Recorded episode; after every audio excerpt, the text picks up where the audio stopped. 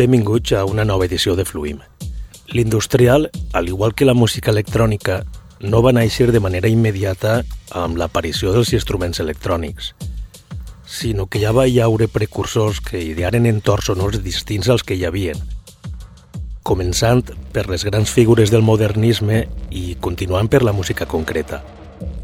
Després arribarien les obres per a cinta magnètica i en els pròxims anys apareixerien els sintetitzadors.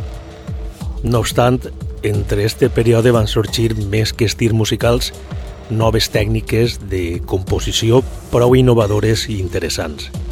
Entre elles, la música estocàstica. Al llarg de la història de la música s'han utilitzat en infinitat d'ocasions ferramentes matemàtiques contribuint al desenvolupament i obrint múltiples possibilitats en el camp de la composició. L'harmonia en la música és la disciplina matemàtica per a crear acords entre diferents tonalitats. La música estocàstica utilitza les lleis del càlcul de probabilitats per a composar, obtenint així una música aparentment indeterminada, encara que amb una estructura general predictible. Yannis Xenakis va ser el compositor que va liderar esta tendència de la música estocàstica. En este cas, la indeterminació es desenvolupa a nivell compositiu on s'involucren mètodes matemàtics i distribucions aleatòries. Xenakis va ser pioner empleant tècniques relatives a la teoria de la probabilitat, estadística, mecànica estadística, teoria de grups, teoria de jocs i de conjunts, i tot aplicat a la música electrònica i computeritzada. Persepolis és la composició electroacústica més llarga de Yannis Xenakis. Encarregada pel Shah persa, la peça formava part d'un espectacle multimèdia, els anomenats Politopos de Xenakis, que es va estrenar en 1971 a Shiraz, Persepolis, en Iran, com un espectacle que incloïa pistes de llum, raigs làsers, grups de xiquets caminant amb torxes i 59 altaveus per projectar la música a l'aire lliure. Xenakis havia realitzat Persepolis en cinta analògica de 8 pistes a l'estudi acústic de París i va publicar una reducció estèreo en vinil a la famosa sèrie de Philips Prospective del segle XXI en 1972. Este disc es va publicar originalment amb dos pistes de més de 20 minuts, no obstant, es tractava d'una única pista de 55 minuts. El que passa és que per a publicar-ho en vinil hi havia que dividir-la.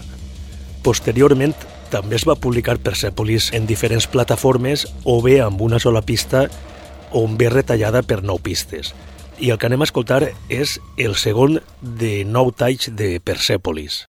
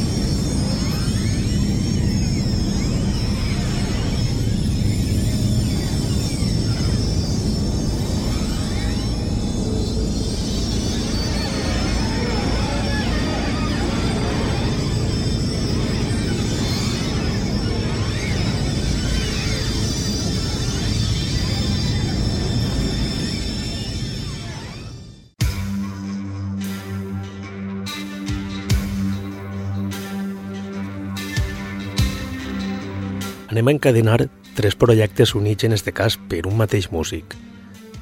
Howard Trayford, conegut artísticament com a Howard Devoto, és un músic britànic que destaca pels diversos projectes amb els quals ha participat i ha fundat, començant en 1976 per la banda punk Bass Cooks, de la qual va formar part poc més d'un any fins que en 1977 l'abandona per a crear Magazine un grup que lidera com a vocalista i que encara està actiu després d'haver-se tornat a reunir en 2008.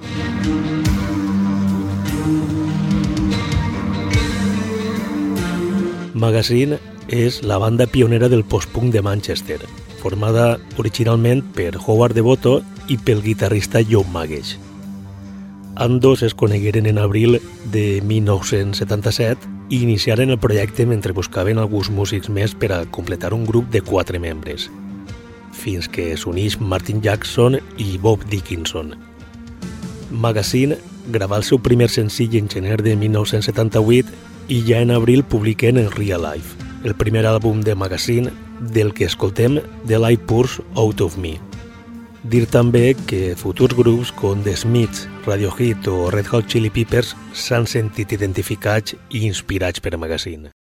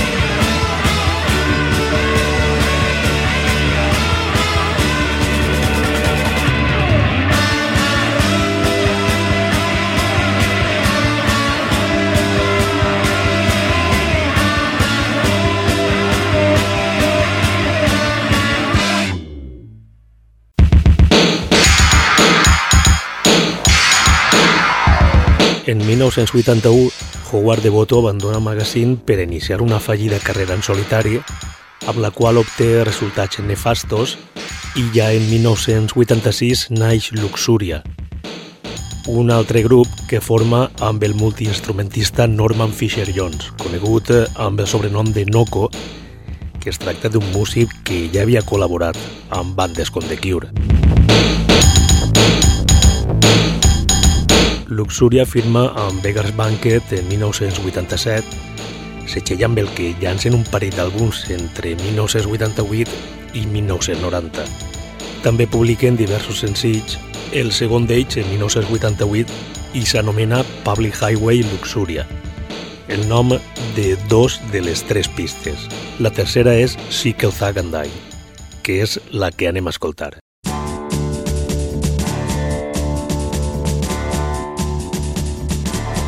We're deep in her diary now.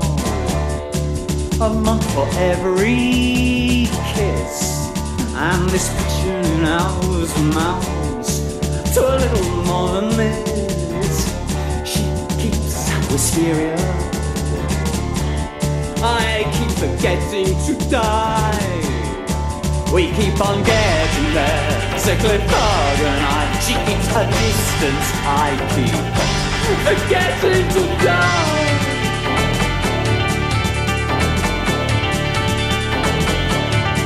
Well, keep on getting there, sickly bugging me. She keeps wisteria, I keep turning to life is likely.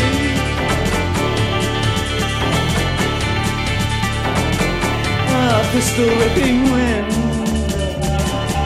sickly bugging me. Our hearts fire blanks over the marshes, the river. Oh, is there anything really moving on the news tonight? If there's no hope for us, there'll be no respite. Just a drop or two from a bottle of the widow's night.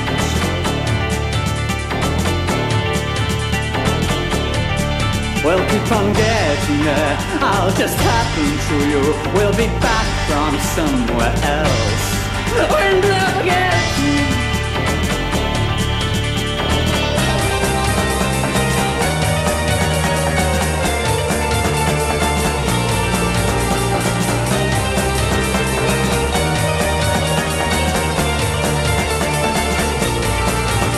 That him ain't bad, realissimo bad. That that nameless other place, it's far far worse. I'm no innocent, I never resisted alcohol and color beats.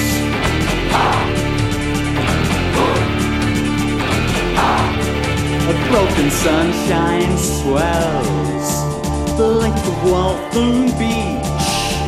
And nothing ever changes, and nothing ever lasts for long, it just stays out of reach. These feelings mutual, a secret fog and me. This feeling's mutual now, but so separately. We're burning up, we're collapsing into a probability.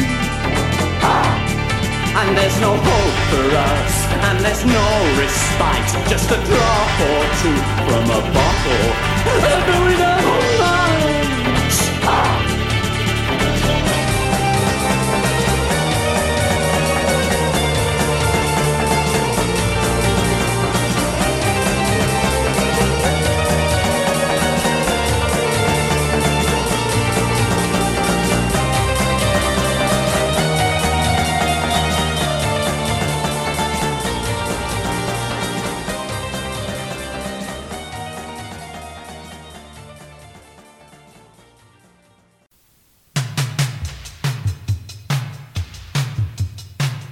Principis dels 90, Luxuria deixa també d'estar actiu i Howard Devoto abandona el món de la música fins que en 2002, sis anys abans de tornar a Magazine, sorgeix una idea d'estes inesperades i Howard Devoto i Pete Shelley, qui havia sigut vocalista i fundador de Bascooks Junta de Voto, formen Shelley de Voto, una estranya aliança en la que graven en 2002 un senzill i un àlbum per a tornar a desaparèixer després per a sempre.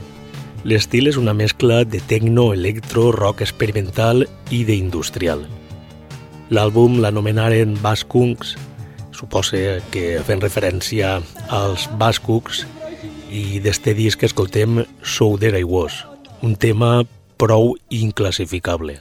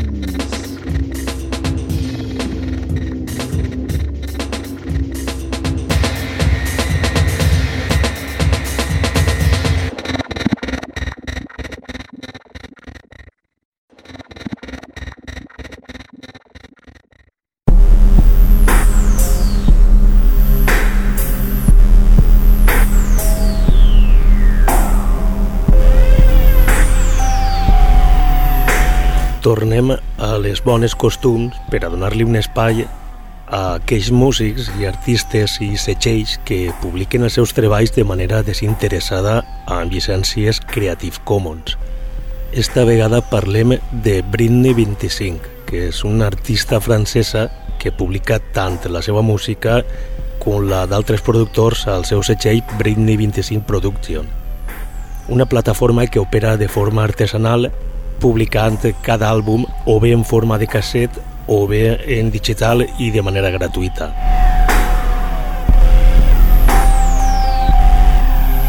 No obstant, ens centrem en la pròpia Britney 25 per a parlar del seu últim àlbum, publicat el passat mes de novembre a la seva discogràfica i també al net label francès Le Colibri Necrophile.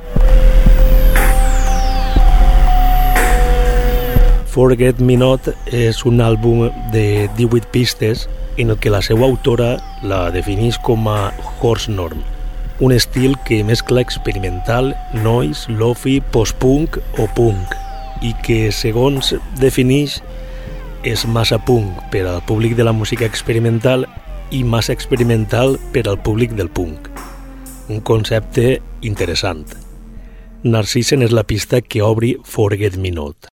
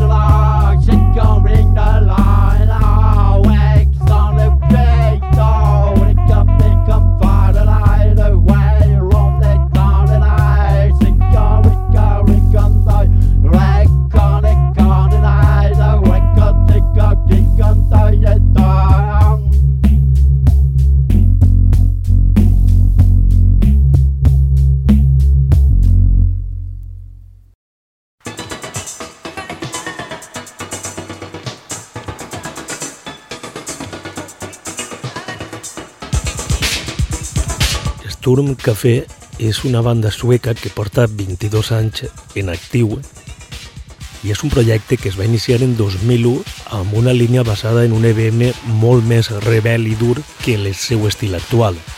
En qualsevol cas, els seus llançaments sempre han sigut impredictibles dins de lo consistents i despiatats que puguen sonar alguns temes.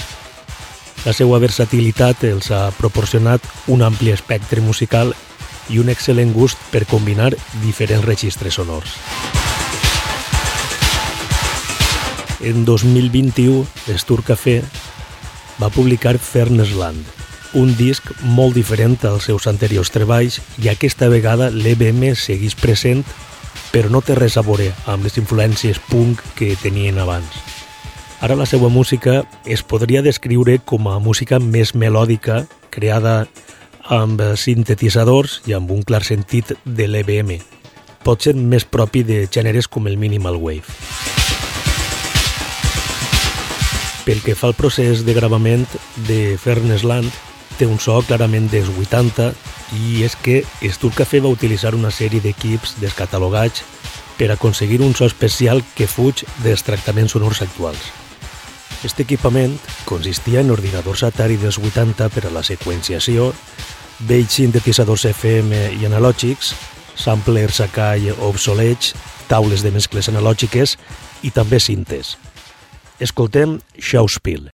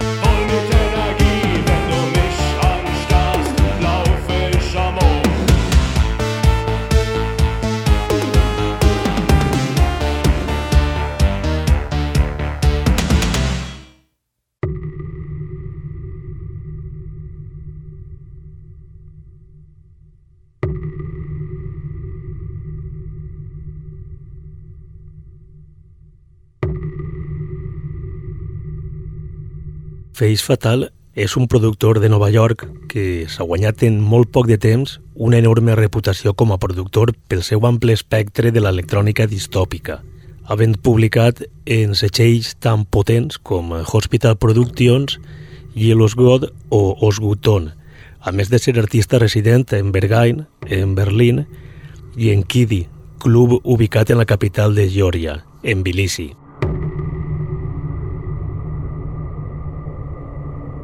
En 2018, Face Fatal llançà la primera referència en Byte, discogràfica amb la que ha publicat treballs d'autors com Adam X, Ron Morelli o Sarin, entre d'altres.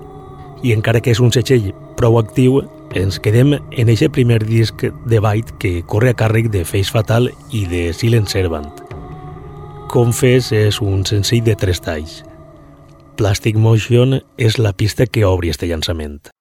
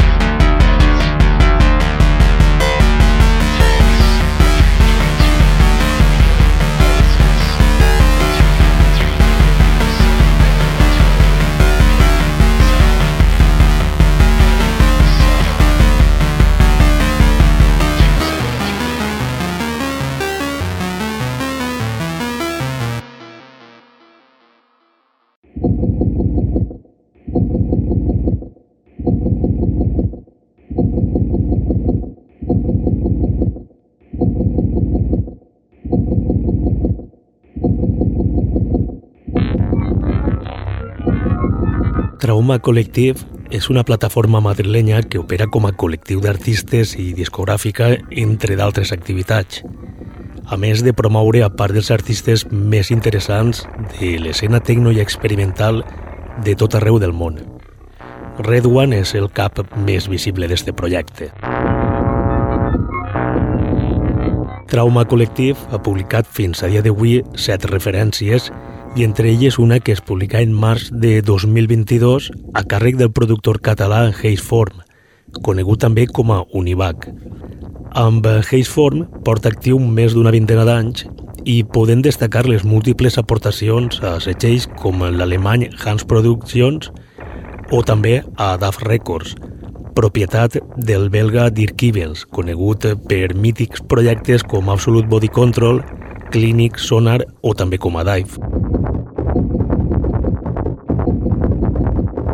Hazeform ha creat un estil prou particular amb el que mescla influències de l'IDM i de l'electro, estil que també reconeguem quan publica com a Univac, encara que amb Antena, que és el senzill que firma amb Trauma Collective, es decanta per un so electrònic i industrialitzat. Escoltem la pista que dona nom a la referència.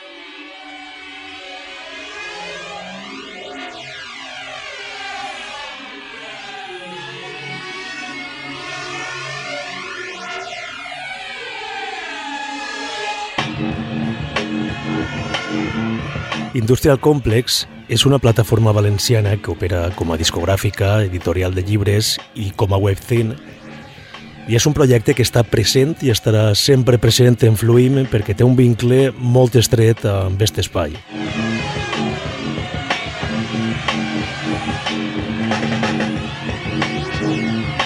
En juny de 2022, Industrial Complex va publicar Swarm, un àlbum creat per Videhammer i John 316.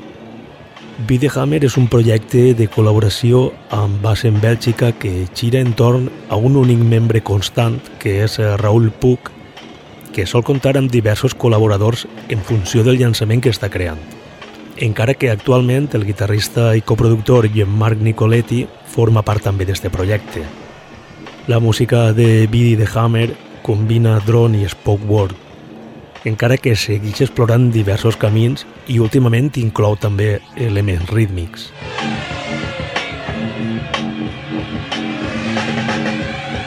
En este disc, Bidi Hammer s'uneix a John 316, que és el projecte en solitari de Philly Gerber, qui anteriorment forma part de Hit from a Death Star, banda amb seu a Londres que es va convertir en el primer grup no americà en fitxar per Age of Hit Records.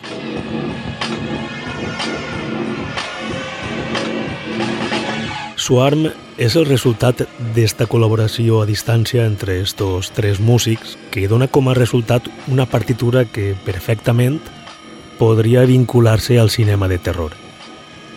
I amb Wayward, de Videhammer i John 316, acabem esta edició. Així que vos espere en un altre capítol de Fluim. Salutacions de Ximo Noguera des del Cira Ràdio i també per a la xarxa d'emissores municipals valencianes.